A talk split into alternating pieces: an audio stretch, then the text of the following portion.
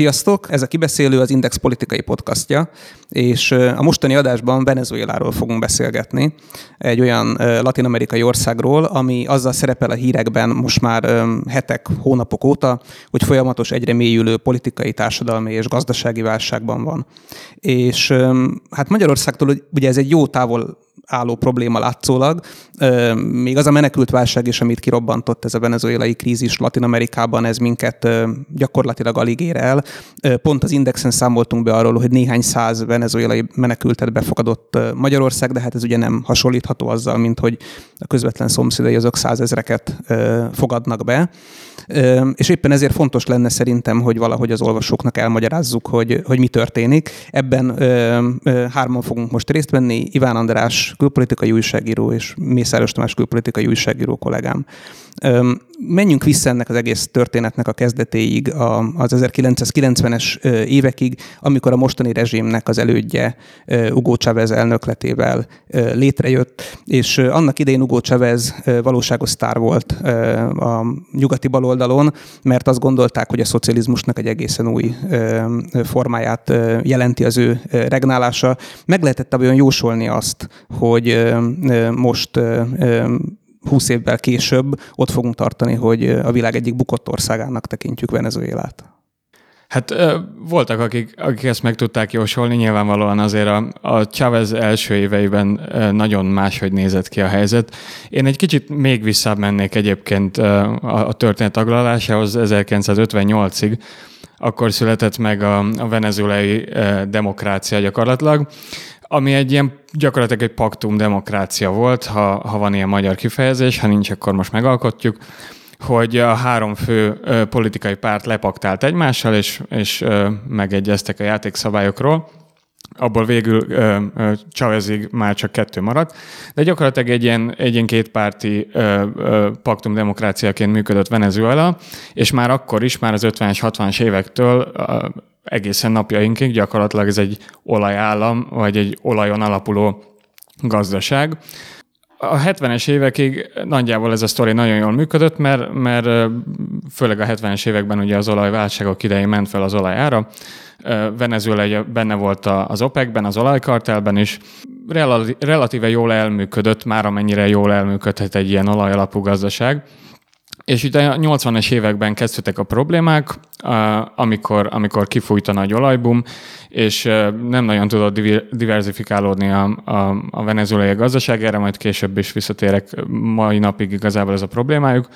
És a 80-as években ö, ö, megindult egy ilyen nagyobb társadalmi elégedetlenségi folyamat, 89-ben ugye nagyobb balhék is voltak, ami ahhoz vezetett, hogy, hogy Chavez először. Chavez egy, egy katona volt, egy erős, erős baloldali, baloldali nacionalista programmal, már akkor tájt a 80-es években, ő akkor kezdett úgymond prominensebbé válni, és terjeszteni nézeteit a, a katonaságon belül először, majd utána pedig ugye tágabb társadalomban is. 92-ben jutott el oda a helyzet, hogy ő egy pucsot kísérelt meg, ami egyébként elég hamar elbukott, be is zárták, de kiengedték két évvel később, és 98-ban már Hugo Chavez az elnökválasztáson is elindult, és meg is nyerte, és egy ilyen rendkívül karizmatikus baloldali vezetőként lett ismert, aki, akinek végsősor nagyon egyszerű volt a, a programjának a, a lényege, hogy, hogy azt a, a, az olajkincset, ami, ami eddig egy relatíve szűk elitet gazdagított, azt hagyjuk oda a népnek, abból kapjanak többet az emberek. És ez a, ez a része nagyjából olyan 2008-9-ig működött, e, részben egyébként azért, mert az olajár, nemzetközi olajár az, az meg háromszorozódott, vagy meg négyszerződött ebben az időszakban. Részben pedig azért is, mert Chavez alatt, vagy a Chavez halála előtti egy-két évig még nem értek be azok a, azok a, a mélyebb problémák, amik a, a venezuelai gazdaságban meggyökeresedtek korábban. Ugye általában ez jellemző az ilyen olaj vagy más ásványkincsekben gazdag országokra, hogy, hogy nem feltétlenül tudnak jól kijönni ebből a helyzetből. Ezt erre a közgazdaságnak több, több verziója is van, hogy hogy hívjuk az olajátok, vagy a holland kor, stb. Ez nagyjából ugye arról szól, hogyha, hogyha igazából kap egy gazdaság egy, egy rettentő nagy olyan erőforrást, amit nagyon köz, könnyű pénzé tenni, jellemzően a kőolaj, de vannak más példák is, akkor, akkor ez óhatatlanul is egyrészt korrupcióhoz vezet, másrészt ahhoz vezet, hogy, hogy az ingyen pénz gyakorlatilag, ami, ami báramlik az országba, az ellustítja kvázi, hogy ilyen nagyon szakmaiatlan kifejezéssel éljek a gazdaság többi részét, és nincsen rákényszerítve. Egyrészt nincsen rákényszerítve az ország, hogy, hogy bármi nemű egyéb ö, ö, gazdasági fejlődés produkáljon, másrészt nincsen rákényszerítve a politikai elit, hogy, hogy egy kicsit, hogy is mondjam, hatékonyabban és a, a, a, a népszavára jobban odafigyelve kormányozzon. És végső soron ugye a Chavez abban hozta a nagy törést, hogy a Chavez előtt a, az olaj és az olajbevételek az, azok nagy részt az elit és a, és a, a jómódú városi középosztály ö, ö, gazdagították nagyrészt, és a Chavez után ö, meg az, a szegényebb alsóbb a, rétegeknek. Abban tudsz egy kicsit segíteni, hogy ez a társadalom ez nagyjából hogy épül föl? Tehát ö, a középosztály az mekkora részét teszi ki a venezuelai társadalomnak, mekkora a szegénység, mennyire, jellem, mennyire szétszakadt társadalom ez, egyetem mit tudunk erről? Hát ugye hagyományosan ez mindig is egy szétszakadt társadalom volt, ahogy általában ez Latin, Amerikára jellemző, és hát ugye ez is vezetett ugye a 80-as években a a, a 80-as évektől 90-es években az ilyen jelentős társadalmi feszültségekhez, hogy, hogy nyilvánvalóan az elit sokkal jobban részesedett az olajkincsekből, mint, mint általában véve a társadalom. Ugyanakkor azt, azt is hozzá kell tenni, hogy még Chávez hatalomra jutásakor is Venezuela átlagosan egy, egy jóval gazdagabb és fejlettebb ország volt, mint, mint mondjuk az átlag latin-amerikai ország, de nyilvánvalóan ugye az átlag az, az egy ebből Hogy a szempontból hamis. igen, állt össze. Igen, igen, uh-huh. igen. Andris, mennyiben tudott a Chavez politikai értelemben rendszert építeni? Szerintem az, az volt itt elég fontos még akkoriban, ami egyébként ugye a mostani helyzetre is kifog, kihatott, hogy, hogy Chavez a hadsereget azt gyakorlatilag lefejezte, és ugye a saját embereit rakta, rakta a vezető pozíciókba, és ugye a hadsereg az egyre jobban összefonódott, az, az állami vezetéssel is. Ez ugye a, utána a saját maga által kinevezett utódja, ugye Nicolás Maduro elnök alatt is folytatódott, tehát például az állami olajtársaság élén is konkrétan egy, egy tábornok áll. És tehát gyakorlatilag a, a, a hadseregnek a mostani vezetői, azok, azok konkrétan a rendszernek a részei. A választások tekintetében hogy alakult ez a történet? Tehát mennyire tartottak a érában, és aztán a Maduro korszakban szabad választásokat Venezuelában? Eleinte teljes mértékben Chavez volt annyira karizmatikus, meg volt mögötte akkor a társadalmi támogatás, hogy mindig odafigyelt arra, hogy valóban legyen egy, egy ilyen legitim, választói legitimitása hatalma mögött.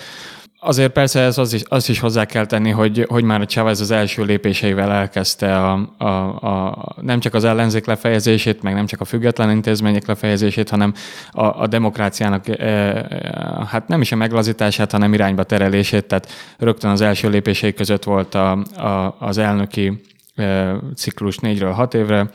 emelése, a ciklus határok elbontása, stb. Tehát ő, ő már úgy érkezett, hogy ő hosszú időre szeretett volna berendezkedni. És hát ez, ez, ez úgy romlott, ahogy, ahogy halott előre az idő, és az ő állapota és a Chaveznek az egészség állapota is romlott, és a Maduro első választásán, tizen, a tizen, Chavez 13-as halála után már, már eléggé ingott a léc, ott már épp hogy csak nyert a Maduro, és hát ugye azóta azt látjuk, hogy a következő 15-ös választásokat már elbukta a, a kormánypárt, a Maduroik pártja, a Chávez Maduro mint parlamenti párt. választásokat. Igen, igen, a parlamenti választásokat, és akkor gyakorlatilag ugye ezt szokták a, a törésvonalnak felhozni, hogy, hogy utána, miután egyszer már kikaptak, addig akkor, akkor elindult úgy nagyban a csalás, és, és most már azért ezek nem komolyan vehető választások. Igen, tehát amikor 2013-ban megválasztották a Madurót, ugye ott rettentő, rettentő szoros volt egyébként az eredmény, és az ellenzék már akkor csalást kilátott az elején, de akkor még, még ez, nem, ez nem ment el egy olyan irányba, ami, amit ugye most látunk, de ugye a 2015-ös nemzetgyűlési választások után akkor az ellenzék úgy gondolta, hogy, hogy innentől ugye lehetősége lesz gyakorlatilag leépíteni ezt az egész rendszert, amit, amit előtte a Chávez és utána a Maduro tovább vitt és lényegében, lényegében erre válaszol ugye a Maduro is egyre, egyre inkább autokratikus irányba vitte el az egészet, nem mellesleg azért, mert ugye 2014-ben szakadt be az olajár, tehát ezek, ezek egybeestek. A, mi, mit tudunk erről az ellenzékről? Milyen pártok alkotják, milyen vezetői vannak, mennyire, honnan került elő egyáltalán ez a mostani vezetője az ellenzéknek, bizonyos Juan Guaido, akiről az előző években nem sokat lehetett hallani, egész más emberek álltak az ellenzéki mozgalmak élén. Igen, tehát az korábbi vezet, voltak korábban ugye vezető alakok, Capriles nevére talán még sokan emlékeznek. Ők, ők nagy részt házi őrizetbe, őrizetbe kerültek. Guaido, egy, tehát Juan Guaido az a, a, a házelnök, aki most a januári tüntetéseken ideiglenes elnöknek kiáltotta ki magát, és egyébként már, már több mint 50 külföldi ország ország is őt ismeri el Venezuela legitim elnökeként. Tehát ő, ő egyébként egy viszonylag friss szereplő, tehát ő, ő, ő gyakorlatilag most, most került ennek az egésznek az élére, és, és hát rögtön ugye elég, elég hangsúlyosan meg is mutatta, mutatta magát. A, hogy oszlik meg a, a közhatalom jelen pillanatban? Tehát mely szervezeteket irányít az ellenzék, mely szervezeteket irányít a, a rendszer? Itt ez elég, elég fontos volt, hogy miután a 2015-ös nemzetgyűlési választásokat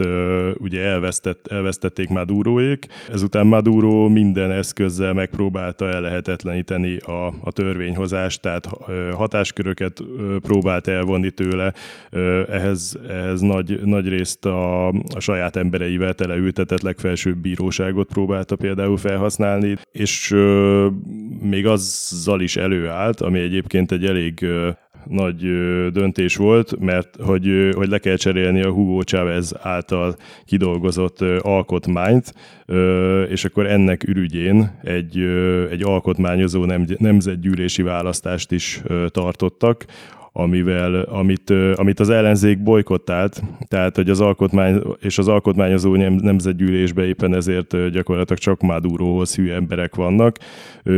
Most ezt, ezt úgy tervezte, hogy ez fogja átvenni majd így a nemzetgyűlésnek a szerepét. Tehát, hogyha jól értem, akkor jelen van tulajdonképpen két törvényhozó testület, egy ellenzéki többségű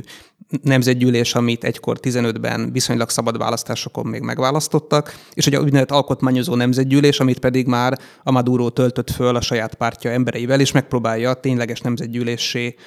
átpozícionálni, de ezt a külvilág már nem ismeri el. Hogy áll a külvilág ez az egész krízishez? Ki kit támogat? Hát gyakorlatilag összeállt a hidegháborús felállás, amennyiben hát az Egyesült Államok nagyon egyértelműen, az Európai Unió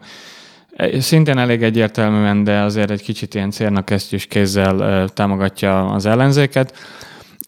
És, és persze még egy sor jobboldali vezetésű, jellemzően jobboldali vezetésű, de nem csak jobboldali vezetésű latin-amerikai ország áll az ellenzék mögött. És ezzel szemben ugye Kína és Oroszország a, a fő támogatói a, a Maduro rezsimjének, illetve egyébként vannak még mellettük érdekes szereplők, például Törökország is és, maga nemében. És még Kuba is. És Kuba, Igen, ezt akartam kérdezni, hogy a szomszédok hogy reagálnak erre az egész krízisre, mert nyilván őket érinti legjobban. Hát ez alapvetően egyébként a hosszú távú ö, ö, régi ilyen latin-amerikai politikai törésvonalak mentén ö, Kolumbia, ahol ugye jobboldali vezetés van nyilvánvalóan, meg ahol egyébként ugye az az egész komoly menekült válságot is, is okoz. Nyilvánvalóan ellentart a Maduro rezsimnek, ugye Kuba, Nicaragua és az ilyen hagyományos, Bolívia, hagyományos ilyen szocialista országok, ők pedig ők pedig alapvetően azért még Maduro mellett vannak, de eléggé fogy Latin Amerikában is a levegő Maduro körül, és, és még olyan országok is beszálltak a maguk módján, Mexikó például, vagy Uruguay, amelyek azért főleg jelenlegi vezetésükkel nem, a, nem az ilyen hagyományos Amerika barát jobboldali országok, de, de amit Maduro csinál, az már, az már igazából az ilyen mérsékelt bal kormányoknak is sok. A, a hírekből egy elképesztő társadalmi és gazdasági krízis képe rajzolódik ki. Ö, azt lehet tudni, hogy, a pénz, hogy az infláció olyan mértékűvé vált, hogy a pénz, a venezuelai pénz gyakorlatilag teljesen elértéktelenedett, értelmezhetetlen ma már. A, a legalapvetőbb élelmiszerek, gyógyszerek hiányoznak a boltokból, menekült áradat van, áramkimaradások rendszeressé váltak a fővárosban, éhen halnak emberek, konkrétan olyan képek jöttek ki Venezuelából, amikről korábban szinte csak a, a 80-as évek Afrikájából emlékezhetünk csontásoványodott gyerekekről egy ilyen helyzetben tulajdonképpen mi az oka annak, hogy a Maduro rezsim nem vált teljesen lehetetlenné, és nem bukott meg már rég? A hadsereg, nagyon röviden. Tehát, hogy a András mondta korábban, Chávez hatalmára jutása után az első dolga az volt, hogy, hogy lefejezte a hadsereget, a második dolga pedig az volt, hogy, hogy a hadsereg második vonalát, illetve a hadseregnek azt a, a vonalát, ami vele szimpatizált, beültette az állami olajcéghez, minisztériumokba, stb. stb. És, és ugye nagyjából most az a kalkuláció a hadsereg számára, hogy, hogy vagy megpróbálja valahogy kihúzni ezt a válságot, és megtartani főleg a, fel, a hadsereg felső vezetése megtartani a saját egyébként békés és nyugodt és gazdag életét, amit ugye ez alatt a rezsim alatt kapott, vagy pedig beáll egy ilyen nagyon ingatag, különösebb vezetés és erő nélküli ellenzéki összefogásba, amiből nem tudni, hogy hogy fognak kijönni, mert hát senki nem tudja neki garantálni, hogy nem fogják őket börtönbe zárni három év múlva, vagy két év múlva. Igen, hát ehhez kapcsolódik ugye, hogy az, az ellenzék az pedig ö, megpróbált ugye amnestia ígéretével ha, ö, nyomást gyakorolni ö, a hadsereg hadsereg vezetőire, illetve a katonákra, de, de erre, volt, erre azért voltak ilyen ellenpéldák korábban egyébként Venezuelában, hogy olyan, ö, hát olyan emberek ellen is utána eljárást indítottak évekkel később, akiknek egyébként korábban megígértek amnestiát, tehát hogy ezzel nyilván ugye számolnak a, a hadsereg vezetői is milyen ö, kilátásai lehetnek a rezsimnek? Tehát miben gondolkodhat, ők hogyan akarhatnak kijönni a krízisből, mi lenne a legjobb forgatókönyv számukra? Hát szerintem, hogyha abból indulnak ki, hogy, hogy Donald Trump böfföl, amikor azt mondja, hogy le fogják rohanni Venezuelát, és valószínűleg a jelenlegi állapotok között Donald Trump blöffel, amikor ezt mondja, akkor, akkor igazából ők abban, abban tudnak bízni, hogy, hogy kifullad. Láttunk már, hogy volt 14-ben is egy nagyobb hullám, 15-ös választások után is volt egy nagyobb hullám, évente, két évente van egy nagyobb ilyen tüntetés hullám. Nyilván a gazdasági helyzet közben romlik, és, a, és maguk a, a tüntetések is egyre erőszakosabbak, és az ellenzék is egyre keményebb és piszkosabb eszközökhöz próbál nyúlni. Tehát, tehát van eszkaláció, de, de mindig kibírta ezt a rezsim, és igazából nem nagyon látszik, hogy mi a B-terv az ellenzéknek azon túl, hogy megpróbálják a hadsereget ö, rá, ö, rábírni arra, hogy álljanak át az ő oldalukra, vagy a rendvédelmi erőket meggyőzni arról, hogy ne tegyenek semmit, és engedjék, hogy az emberek elsöpörjék a, a kormányt. Nem látszik, hogy, hogy ezen túl van-e valami elképzelés, és egyelőre, ameddig a hadsereg nem áll át, vagy ameddig a rendvédelmi szervek nem állnak félre, addig, addig nem reális, hogy, hogy Maduro hatalma megdőljön. Viszont a másik oldalról, ameddig az Egyesült Államok mondjuk nem akar beavatkozni, addig, addig valamilyen köztes köztes megoldás lehetséges. Hát az egyik, ami, ami végső évek óta megy már Venezuelában, hogy majd a tüntetések, a tüntetés hullám végével jól bezárnak mindenkit az ellenzékiek közül, ez, ez igazából már folyik. A másik, hogy vannak ilyen kezdeményezések a tárgyalásos rendezésre, ezt Mexikó, Uruguay, az Európai Unió mérsékeltebb résztvevői ennek, vagy mérsékeltebb ö, ö, külső hatalmak szorgalmazzák. Én azért nem fűznék ehhez ö, nagy reményeket, hogy, hogy ez valami tárgyalásos ö, úton rendezni lehet, de akár még azt is el tudom képzelni, hogy, hogyha mind a két oldal ö, akkora veszteségeket szenved úgy gazdaságilag, mint politikailag, hogy, hogy, hogy valamilyen szinten stabilizálják ezt, a, ezt az ilyen hibrid demokratikus rezsimet, de nem látszik jelenleg egyébként, hogy, hogy, hogy azon túl, hogy a, hogy a rezsim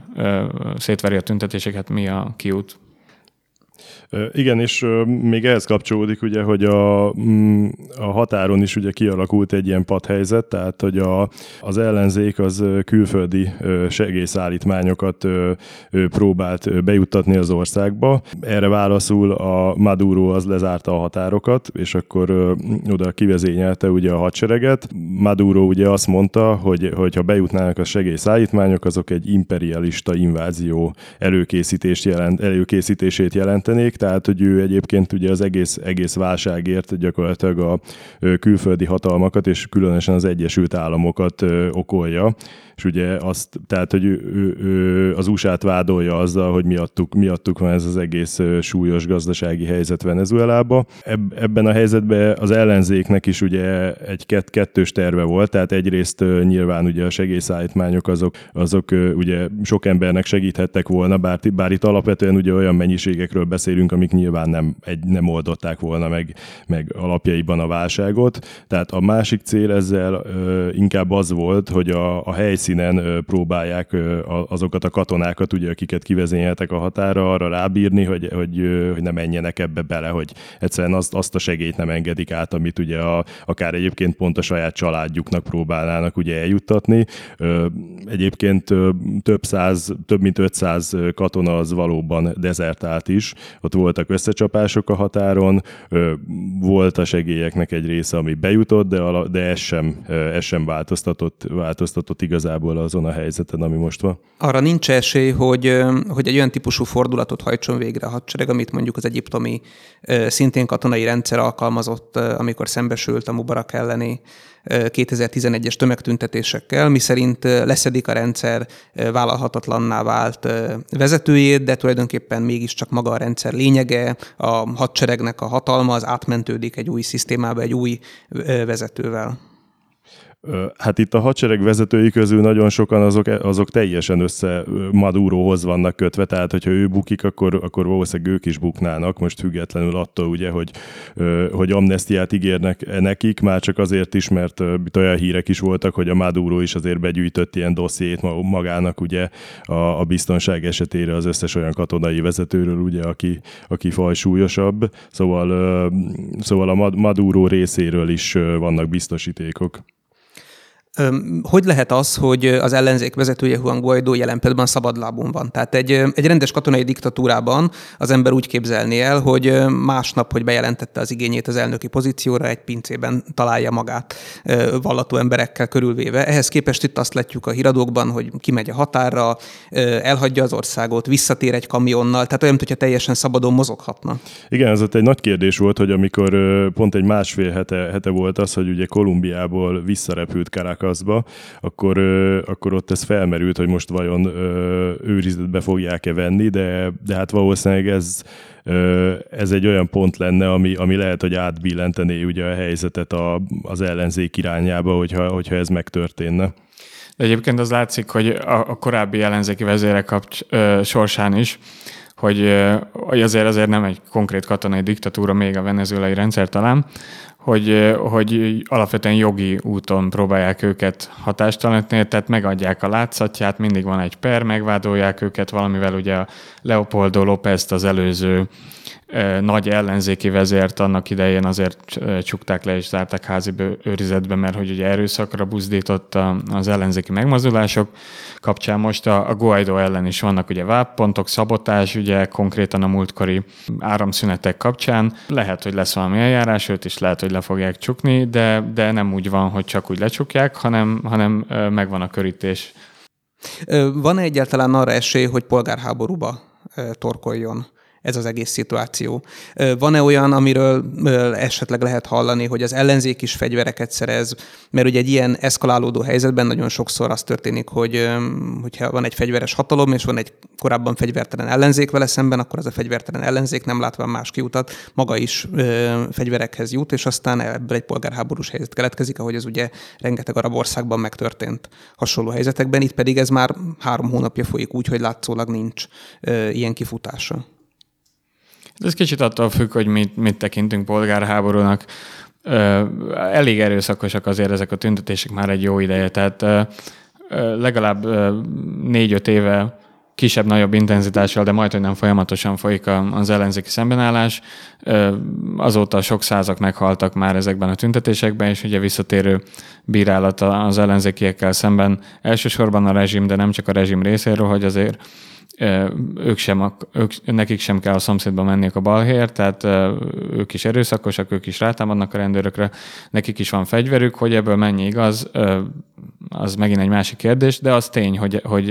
egyre erőszakosabbak ezek a megmozdulások, és, és benne van ez az ellenzékben, ez a fajta ilyen nincs más választásunk retorika, de, de hát ahhoz, hogy, hogy polgárháború legyen, azért olyan, hát akkor a hadsereg egyik felének át kéne állnia, és alapvetően, amit mondott is András, hogy akik átálltak korábban például a határon, azok ilyen közkatonák. De, de az, hogy a tábornokok vagy a legfelső vezetés átálljon, és legalább egy csoportjuk szembeforduljon a, a hadsereg maradékával, az egyelőre nem látszik. Nyilván valami ilyesmit akar elérni az ellenzék ezzel a, e, azzal, hogy fenntartják a, a folyamatos nyomást a, a, a rezsimen, de mondom, tehát e, most még nem látjuk így március e, közepén végén, hogy, hogy ennek legyen, lenne bármi foganatja. Hát meg nyilván itt ugye az van, hogy ez rettentő kiszámíthatatlan ez a helyzet, tehát hogy most az, a, amiről az előbb esett már szó, hogy volt ez a, a legfrissebb fejlemény, ugye, hogy, hogy egy elég tartós, több napig tartó áramkimaradás kezdődött, ami most azóta Caracasnak nagy részén már megint, megint volt áram, de az országnak bizonyos területein továbbra, továbbra sincs, tehát ezek, ezek mind olyanok egyébként, amik, amik, amik befolyásolhatják azt, hogy, hogy adott esetben ugye merre, merre fog átbillenni ez az egész. Már csak azért is, mert ugye ez, ezek mind olyanok, amiket ugye mindenki a saját szempontjából próbál megítélni, tehát valójában objektív okot továbbra sem tudunk egyébként, hogy miért történt ez, a, ez, ez az elég kiterjedt áramkimaradás. Vannak egyébként ilyen feltételezések, hogy, hogy az egyik legfontosabb víz, vízerőmű közelében volt egy, akár egy, egy sima bozott tűz vagy erdőtűz, ami ott ugye problémákat okozott, csak ahogyan egyébként az egész ország ugye a, a, az, olaj, az olajtól függ, úgy ez a vízerőmű is egyébként túl, túlságosan fontos ugye az ország áramellátása szempontjából, és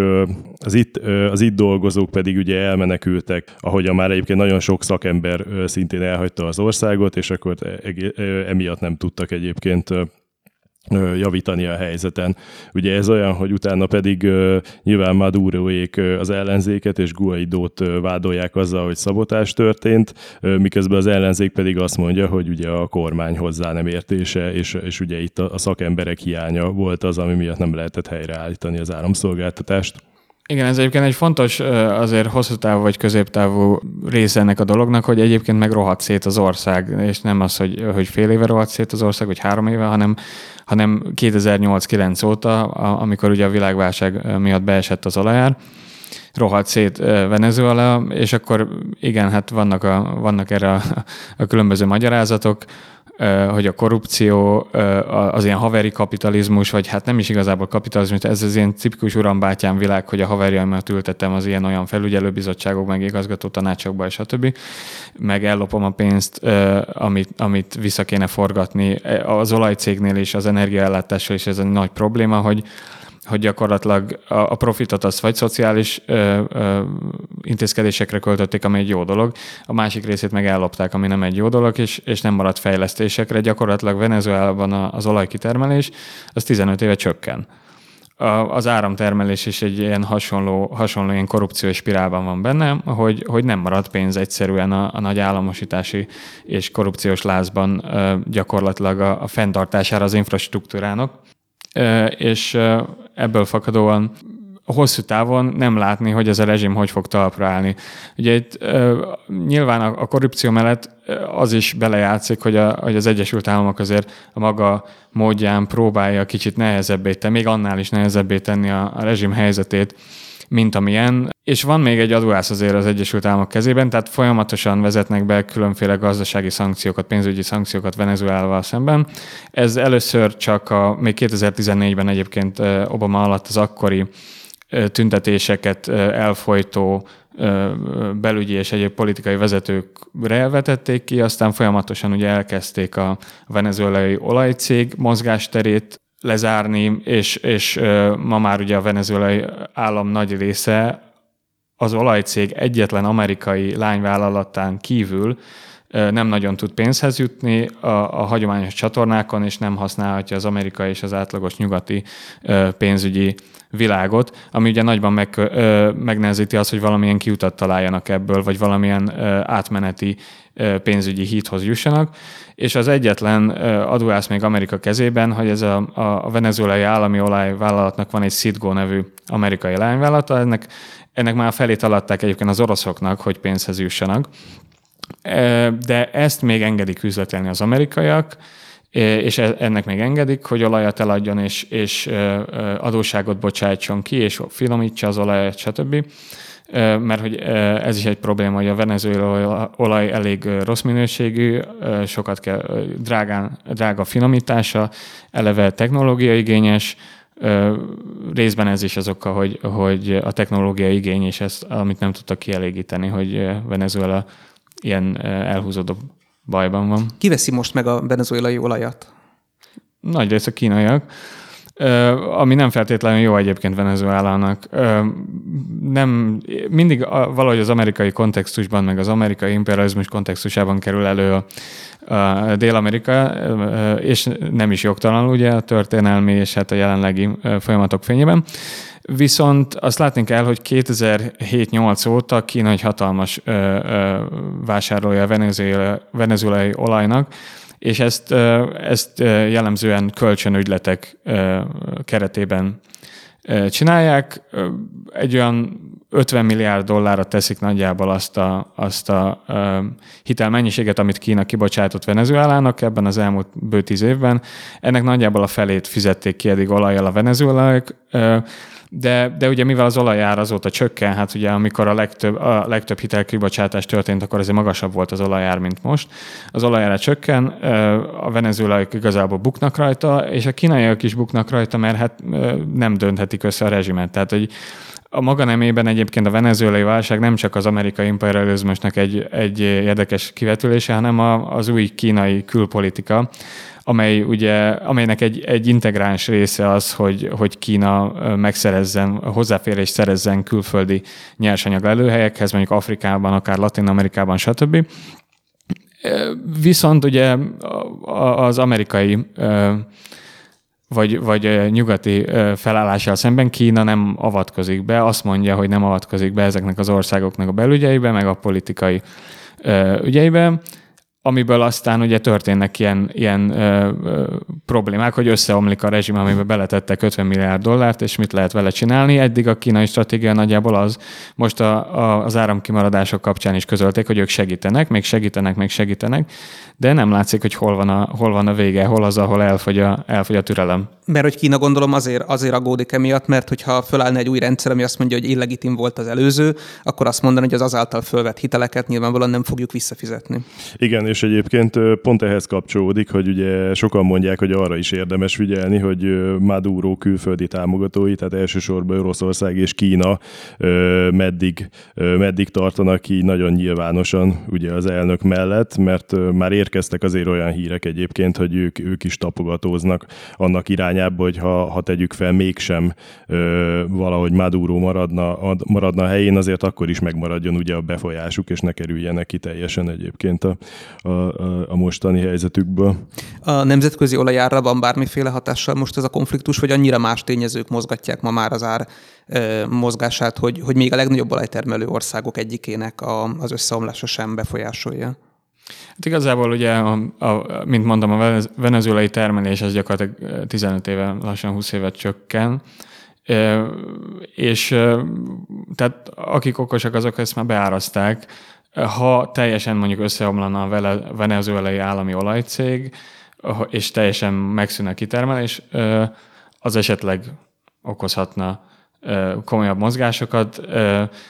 Persze mindig, mindig, amikor ilyen válság van valamilyen olajtermelő országban, akkor kicsit meginok, kicsit fölmegy, lemegy, stb. az olajár, de, de ez a Venezuela, ez már annyira hosszú távú folyamat, hogy, hogy olyan nagyon drámai hatása nem hiszem, hogy ennek önmagában lesz az olajára.